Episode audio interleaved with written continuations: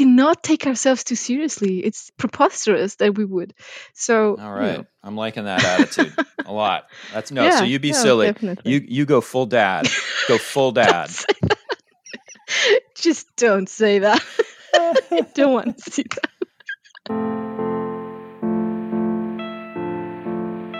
Portuguese explorers were the drivers of the Age of Discovery in the 15th century, sailing the coasts of Africa and South Asia, decoding the winds and current systems of the world. But what happens to Portuguese exploration after that?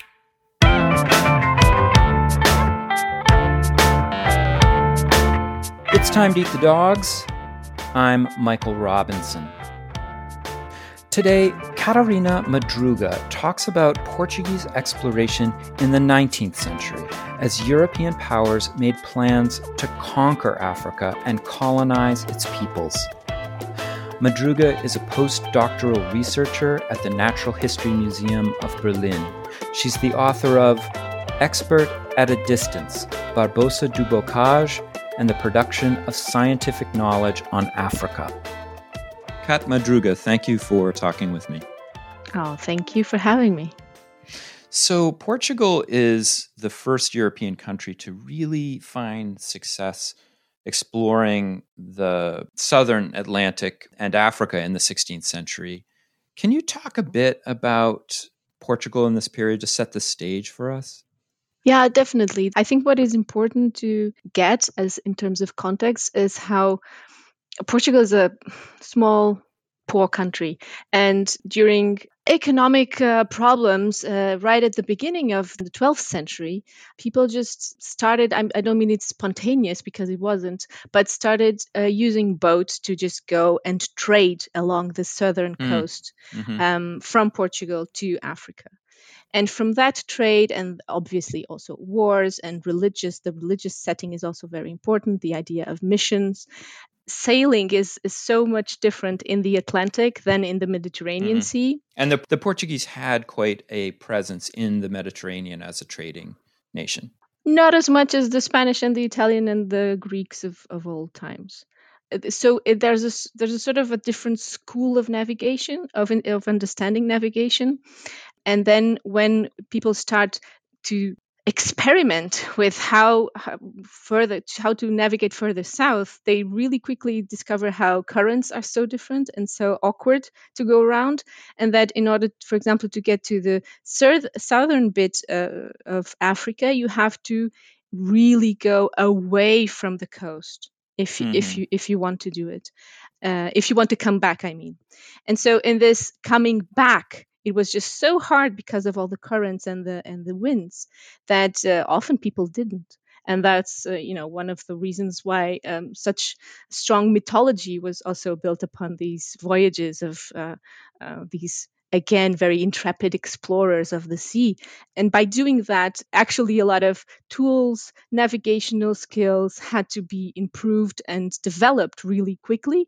And that i think is what sets a big difference in in the whole sort of early modern Portugal um, scientific scene because you would have to teach maths, like basic navigational math skills, to sailors.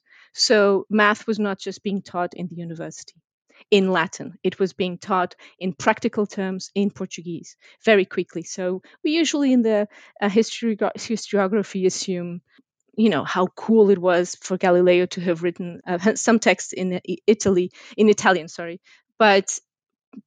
the Portuguese Portuguese mathematicians, for example, were doing it by necessity many years before that. So that's interesting. It's sort of like uh, artisanal knowledge meets scholarly knowledge in in a very very interesting way. And sadly, because that didn't bring about for the historiography of big men and big geniuses and big Yeah. mathematical geniuses, because we sort of didn't produce that, uh, then it just gets a little bit behind, I guess, in the literature to, to study Iberian cases. But nevertheless, the social changes that it brought, that people could have experiences from so far away and then also come back and tell uh, others about those experiences or just like i don't know bring a monkey a pet monkey with you or just have some some clove seeds in your pocket if you wanted to, to take care of your toothache, uh, and all sorts of, of you know medicinal, mathematical, cultural knowledges that were just Lisbon was the place to be in the 15th century, and that's Yeah. why all, all of all of Europe was really focused on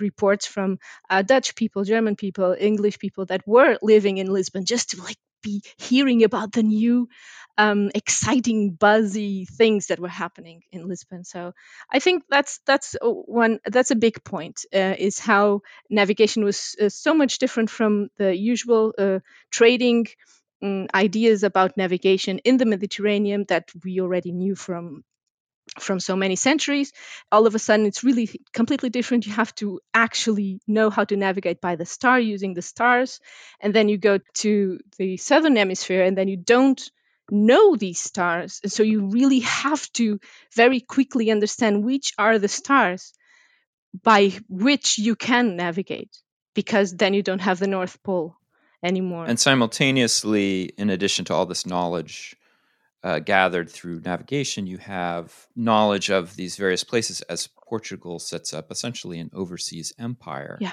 What what does Portugal's empire look like? Uh, you know, at the beginning of the 17th century. Yeah, at the beginning of the 17th century. Well, then it was uh, very focused in India, which is what we call the first empire. So, spice trade, spice trading routes.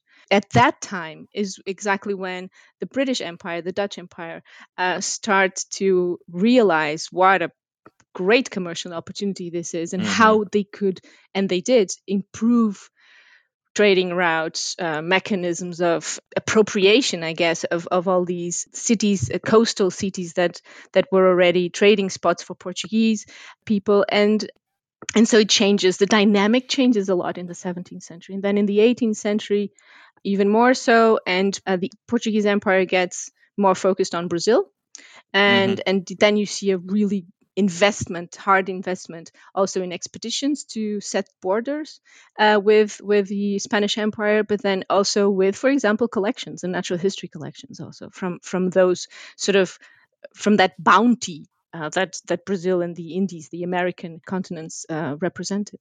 And, and yet, some of the oldest colonies are still there. The colonies in Yeah. Western Africa. What does Portugal's African colony landscape look like?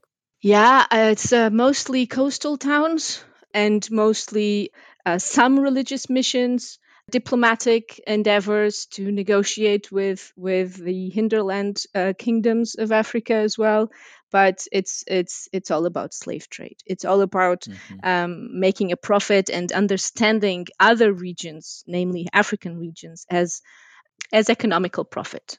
So even though uh, Portugal had a foothold in a lot of different parts of Africa early on, hmm it still represented a kind of coastal empire Mhm. until the 18th century. Is that Yeah, correct? I would even go as far as and until the halfway through the 19th century. Yeah, definitely, definitely, because it's uh, underpopulated uh, coastal cities, um, so understructured as well in terms of uh, colonial mechanisms of administration. And the biggest chunks of that would be Portuguese West Africa, that Mm, would be and- modern day Yeah, Angola. Angola Yeah, so and Mozambique. Yeah, so it's uh, Cap Cape Verde as a as a sort of a point uh, where where all the ships would also stop and water, and then São Tomé, uh, parts of what is generally called Guinea, which is the Guinea Gulf, and but mostly Angola, where where now today today's Angola, and then. Uh, by the 19th century, still uh, what today is Mozambique and uh, Goa, Timor, and Macau. And your story, the story that you write about in your PhD thesis, uh, Mm. really takes place in the late 19th century, during a period in which European countries as a whole are involved in this mad dash to colonize Yeah. Africa. What's going on in the late 19th century that's creating this, and, and what's Portugal's Mhm. role in it? Yeah. So for the rest of Europe, it's all about the second industrial revolution. So it's all about how to, because now there's steam engined machinery, uh, steam engine production, and everything is quick and everything is uh, can be produced more rapidly with creating a different social class, new social classes, but also creating the idea that you can sell more things because of the of the steam engine production and that uh, quickness of being able to produce stuff uh, much more uh, easily. You would also need raw materials. The cheaper the better. But then also produce a market for for mm-hmm. stuff and then all of a sudden there was this continent that apparently for many centuries nobody was really paying much attention to. And because of the idea of uh, we have to stop slave trade. So that was that that's the big issue in the beginning of the 19th century is how we are so civilized that this is no longer something that we can hold it's not just about uh, trading of products, but trading of people. A lot of uh, people from Africa were now in the European courts, and and uh, people had were more and more familiar with with different people from from across the Atlantic. That's sort of like the the the perspective of the European sort of capitalist uh, market being drawn up and then there's just this availability uh, for for the from the perspective of the Europeans, this availability of raw produce, raw materials, uh, ha- which are going to substitute. It's just sort of like the natural substitute for slave trade because the trading routes are there, and all these capitalists that were profiting from slave trade are like, yeah, hey, now, hey, hey, now the government has to help me, and the gov- governments do. They they really support the idea that these enterprises uh, that dealt in in slave trading and and slave depending for example in ag- agriculture and plantations yeah they needed to be helped for some reason in order to adapt to a new market and labor market do you think that portugal actually had a industrial investment in no i mean this is one this is one of these yeah. things that i think about when i look i mean i teach my lectures on the scramble for africa just mm-hmm. in very very broad terms and mm-hmm. And mention the industrial revolution but you know when you look at that map of mm-hmm. africa and you see that like france has just taken over this massive chunk of the sahara desert and yeah. i'm thinking yeah i'm not buying the raw material argument yeah yeah okay yeah yeah yeah absolutely yeah absolutely can, can, you break that down do you think like what else is going on in, in yeah. particular for portugal yeah well let's yeah, okay from the portuguese point of view from the portuguese point of view the big trauma that happens in the beginning of the 19th century is mm-hmm. Brazil's independence. So stuff happens in the end of the 18th century. Fast forward to 1822, Brazil asks for its uh, due independence, and all of a sudden, the Portuguese administration of the crown uh, almost sort of suddenly realizes how dependent everything was from the riches that came from Brazil. Uh, so uh, obviously a civil war uh, ensues between brothers, brothers against brothers, and all of that. So there's a there's there's a very convoluted uh, context, political context in the beginning, the early half of the 19th century. And then, very interestingly, at around 1851, s- stuff really starts to coalesce into longer during institutions and planning for, for future investments in terms of infrastructures, as steam engines and railroads mm. and all of that stuff. But no, definitely the interest in Africa from the Portuguese side is really as the, the first debates, for example, after the independence of Brazil, are really on how is this even profitable to hold all of these colonies? Shouldn't we just sell them? I mean, lots of people are wanting to buy them. So come on. So there's a, a, a whole sort of negotiation that goes on for a couple of decades and and this debate actually goes on in the, in the parliament etc it, it often uh, comes up uh, the idea of the how profitable it is that a mainland has these colonies mm-hmm. and why would you have these colonies and so what is interesting for me to uh, read in the 19th century which is fairly different from my colleagues that work in the same imperial history but in the 20th century sources how full of rhetoric and and sort of this narrative of possession and of the so-called civilizing mission so to the portuguese uh, see themselves as having what they what it's called in the literature a holy heritage, a holy sort of actually sacred heritage idea that it is upon the Portuguese shoulders to bring civilization to these shores. So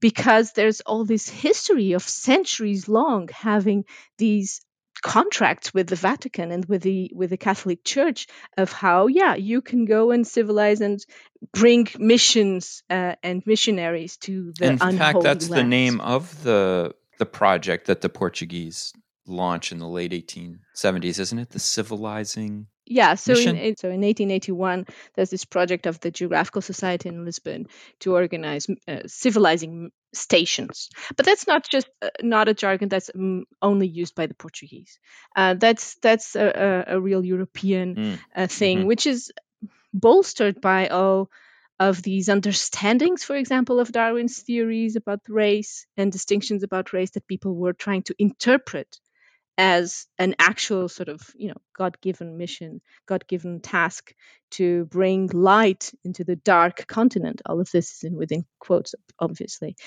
So there's the the overall european context but then there's the super specific context of portuguese of the portuguese empire administration. How do we do this when everybody else is sort of quicker and and more structured in their administration of colonies? And so there needs to be a huge rhetoric deployed in order to justify the presence of Portuguese people there because again so mostly coastal towns not very you know sophisticated urban life. And so I, I i also studied from many of the sources so this sort of colonial anxiety that many uh, of these actors had that they felt alone even when they were living in these towns because there was no sort of in their mind no metropolitan like societies institutions theaters um, you know although there were a couple of things uh, namely around the whoever was the col- colonial governor at the time and the colonial palace. But um, they do feel like there's a lack of that uh, for the portuguese. Yeah. So I want to talk about the central figure of your dissertation, which is a director of zoology at the um, Museum of uh, Natural History, or the Mhm. sorry, the National Museum in Lisbon. Um, José Vincent Barbosa de Mhm. Bocage. Am I saying his name yeah more or less perfect correctly? Uh, and he's he's an interesting guy. He never visits Africa. Is that Yeah. correct? that's just so interesting because it it really speaks of how uh, knowledge was can be constructed and can be built upon. And there's the old debate between uh, bookish knowledge and in situ first-hand knowledge.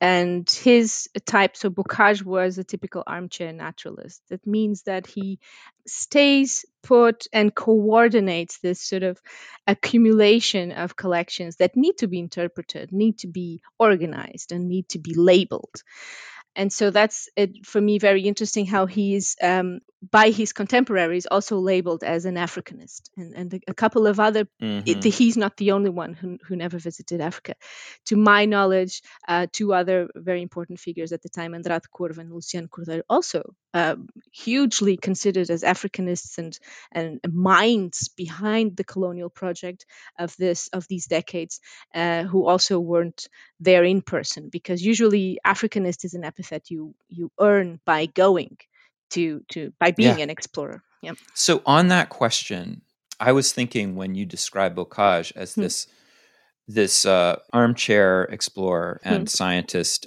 you know, back back home at the Mhm. metropole, so to speak, that it sounds a lot like Richard Owen in Great Britain or Georges Cuvier in France, Mhm. who were also people who didn't travel. Um, but who relied upon the work of explorers and adventurers and tourists to send them Mhm. back stuff and then you know they would be the brains of the operation and think about you know deep thoughts about taxonomy and things like that Mhm, mhm. um, those guys were working in the early 19th century well i guess owen was mid mid 19th century and I, i've always felt like oh yeah by the late 19th century Mhm. there's so much cachet with being the guy out in the field, you know, getting sick and stung by Mhm. tsetse flies, that being an armchair philosopher or armchair naturalist isn't cool anymore. But Yeah. that's not true in Bo- in the case of Bocage. So, do you think I've got that wrong? Or- No, no, I think you're right. It's it's just that Bocage wasn't cool at all. He's just he's not he's not with the new with the young kids. No, no, it's it's not just him. It's it's a matter of of what type of science you're making, and this uh, taxono- mm, taxonomical mm, mm. knowledge for example, does not require you to be defender or not defender of the Darwin theory of evolution. Uh, it's it's just about looking at nature not as it was and uh, and in terms of a diachronical evolution, but as it is in terms of of a, a real synchronous um, sort of display of nature. And in that sense, um, uh, Bocage was not was not the only one to to have this sort of behavior or persona as as actually I think it's better to to call it. Um, and so it there's just too many collections coming in for him to have uh, any aspiration to also uh, do uh, collecting work in the colonies, especially. I mean, it's not to say that he was like he never moved. He did travel within Europe, especially when he was beginning his uh, uh, his career as a, as a museum director and he had uh, an extensive European correspondence with naturalists and peers. But he was a, a, a, kind of a boring guy. I mean, he was a little bit like he was a little bit like you know Darwin is a little is obviously better well known, and and we also know from Darwin that he liked to be isolated in his home, not really go on holidays and or anything like that. And and that that's a little bit like how Bocage also behaved. He uh, his social circle is he has obviously he belongs to the Lisbon elite, so he has many many friends. All of them are in parliament or writing in newspapers every every day, etc., and have a, a, a, prominent public life, uh, which he chose not to have, even though he belonged, yeah, even though he belonged to mm. to an actually you know well known family in Lisbon via his wife, and so he dedicated himself a lot to family businesses, for example, and to organize that, but his wife and his son were like this sort of trio, uh, this unit that was sort of enough along with the rest of his wife's family for him. So he went every summer. He went, he did uh, spa vacations because he needed to. He had not a very strong, healthy, uh, sorry, strong robust health. So he actually, as many in his, so this is also a, a thing of the 19th century, right? So uh, tourism, uh, as we know it today, like of spending, actually having free time. So he would always take free time from teaching in, in the summer to, to do these sort of one month, two month spa treatments, as would many naturalists with whom he corresponded with. Uh, from, from Sweden to France to Poland, they would all have this sort of schedule.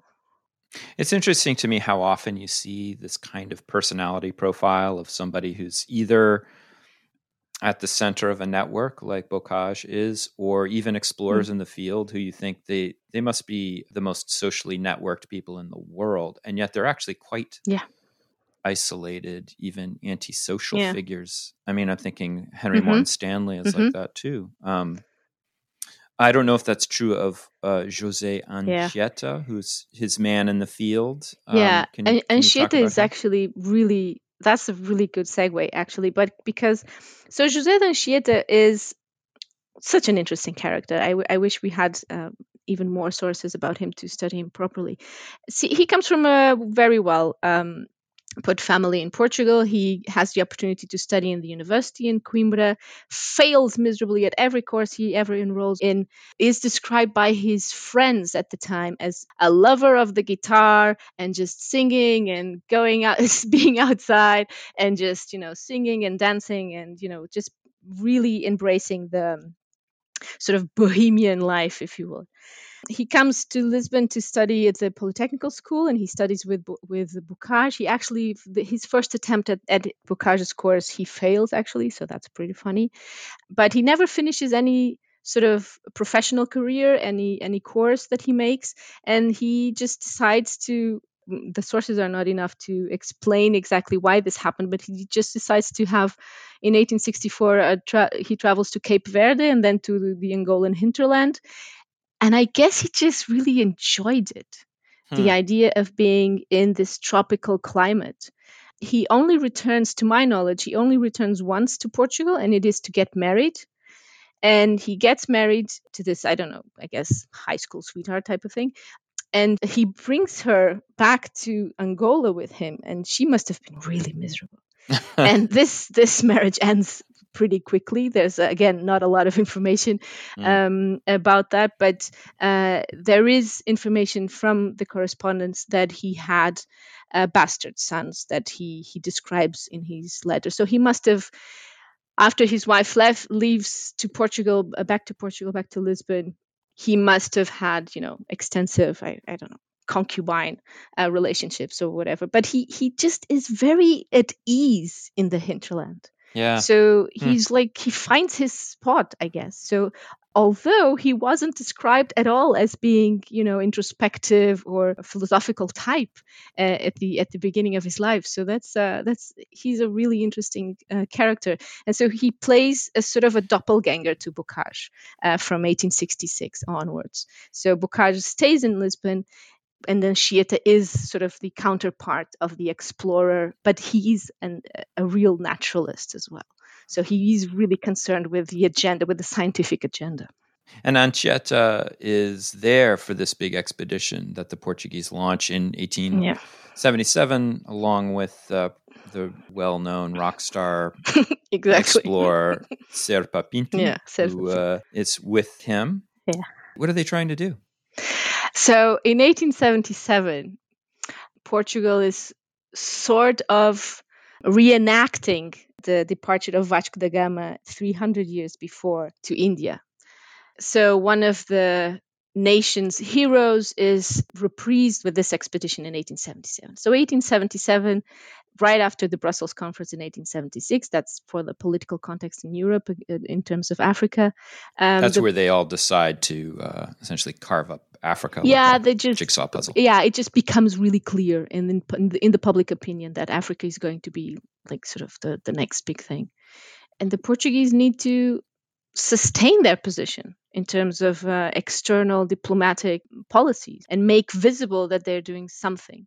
And so, even though there's a lot of internal problems in the, so to speak, in the metropolitan Portugal, this uh, huge expedition is planned, a lot of pomp and circumstance. There's, you know, all sorts of, of interesting commemorative acts go with it. Mm-hmm. And then they leave Lisbon. They arrive a couple of months afterwards in Angola, or what I'm not sure which town exactly they arrive at. And then immediately they're confronted with, oh, Stanley just cartographed the whole Congo River. Yeah. Thank you very much. Task is done because the, the river Congo, which for the Portuguese at this time is called Rio Zaire, so the Zaire River, and when you see in the sources Congo, they mean the region, so the ter- territorial I region see, yeah. actually. Mm-hmm. That's where the interest lied because there's this huge river in the middle that crosses, crisscrosses across Africa, and it's sailable you can transport things so you can use it as a means of transportation of goods and people.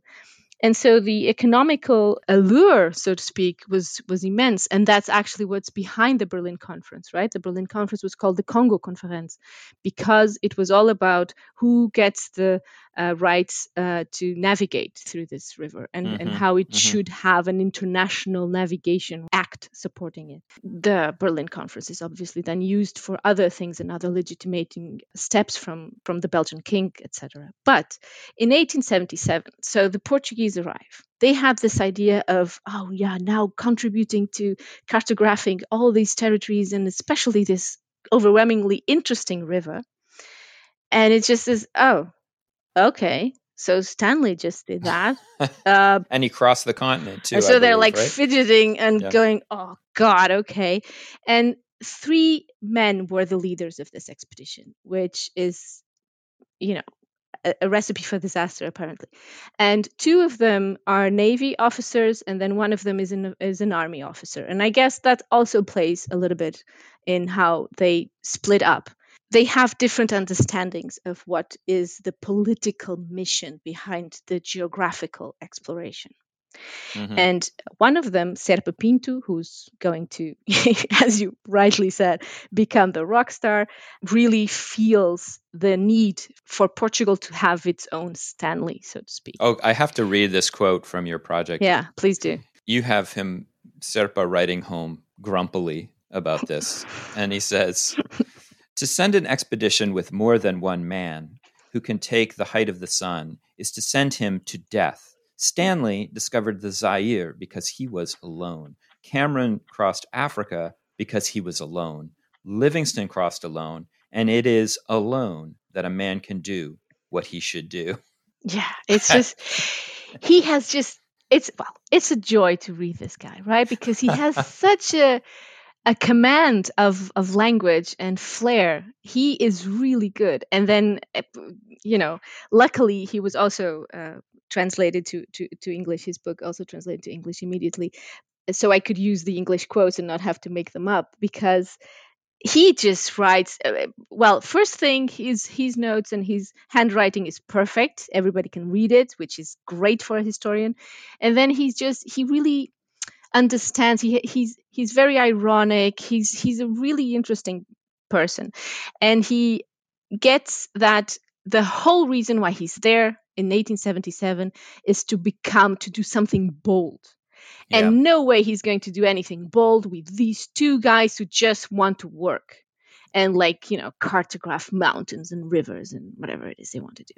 And so he immediately understands although it, it initially he was very friendly with them and even expecting them to make really interesting things together they just they just you know it falls apart. And and so immediately you have instead of one usually takes hours to explain this but instead of one expedition then you have two expeditions. And the one yeah. expedition just stays around in uh, in the angolan hinterland and cartographs very thoroughly and it's you know highly praised afterwards in uh, again a two volume book that they produce from just the connection between several of the hinterland rivers. So the river a structure in this plateau uh, part of Africa is really complex and really interesting because during the rain seasons everything changes, and so it's it's kind of a, a scientific conundrum in itself. So they are interested in actually plotting the territory. Okay, they do that.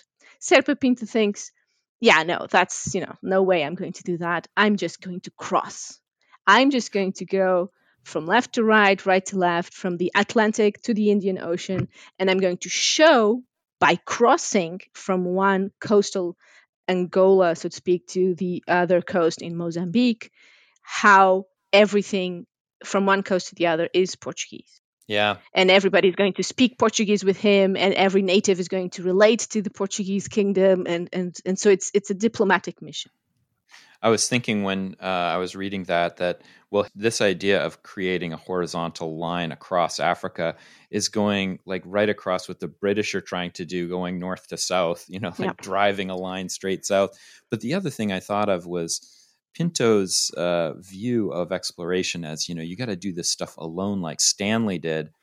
You know, Stanley traveled with probably two to three hundred African assistants, hunters, porters, yeah. and the the idea that he's doing it alone you know, only makes sense if you just kind of you know make invisible yeah every African in the story, yeah. and and, and it, so it raised to my mind: is this also a a, a characteristic element of the Portuguese um, stories of exploration that you just kind of ignore the Africans that are a part of the story? Um, that's a really good point. I don't think there's anything exceptional about the Portuguese in in this sense. It's just that some people, especially like Serpa Pinto, is just he just reads the situation really good, and that's what is expected of him. When they talk about being alone, and remember that Serpa Pinto even titled his book "How I Crossed Africa," yeah. like wink, wink. It's just me, guys, not every, not anyone else. He is not talking about doing it alone even the front cover depicts the line of tens of, of black workers, ca- porters, carrying his stuff around. So there's a sort of a clashing dual message in the cover art itself, which is really interesting. What he means is that he is the only white, educated yeah. male.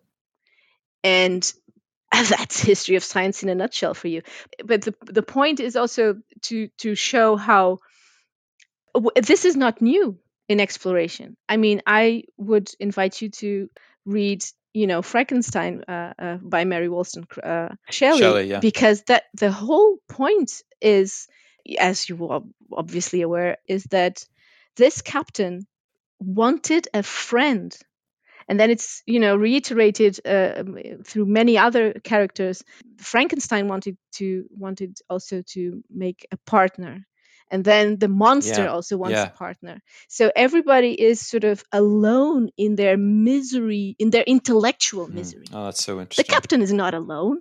The captain's not alone. There's like tens of of of other men in the boat doing all sorts of tasks but he feels alone and this is this is something that is not just this is maybe something of the 19th century but not not just about african exploration or not just about portuguese mm. definitely so it's sort of um, a, a, I don't know a cliche uh, uh, thing that everybody feels alone because they're you know ridden with I don't know tropical fevers, but but not just not just tropical fevers and not just in the tropics. It's that's so interesting the way that you frame that because it's uh, and I mm-hmm. I haven't thought about it in exactly those terms, which is that mm-hmm. you know to gain glory you do things alone. It's you know grows right out of that romantic trope of the early 1800s. Yeah.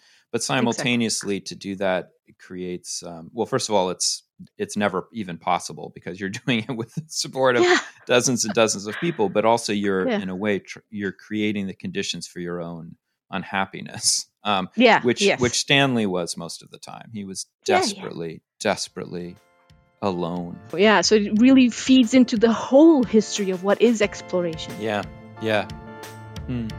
Kat Madruga, thank you so much for talking with me. Hey, thank you, Michael. It was such a pleasure. That's it for today. The music was composed by Zabrat. Make sure you check out the Time to Eat the Dog's website podcast links, and other exploration related stuff. And if you get the chance, please take a minute to rate and review the show wherever you get your podcasts. It really helps make the show visible to new listeners. And if you want to recommend a guest or make a comment, feel free to contact me at time to eat the dogs, that's one word, lowercase, at gmail.com. See you next week.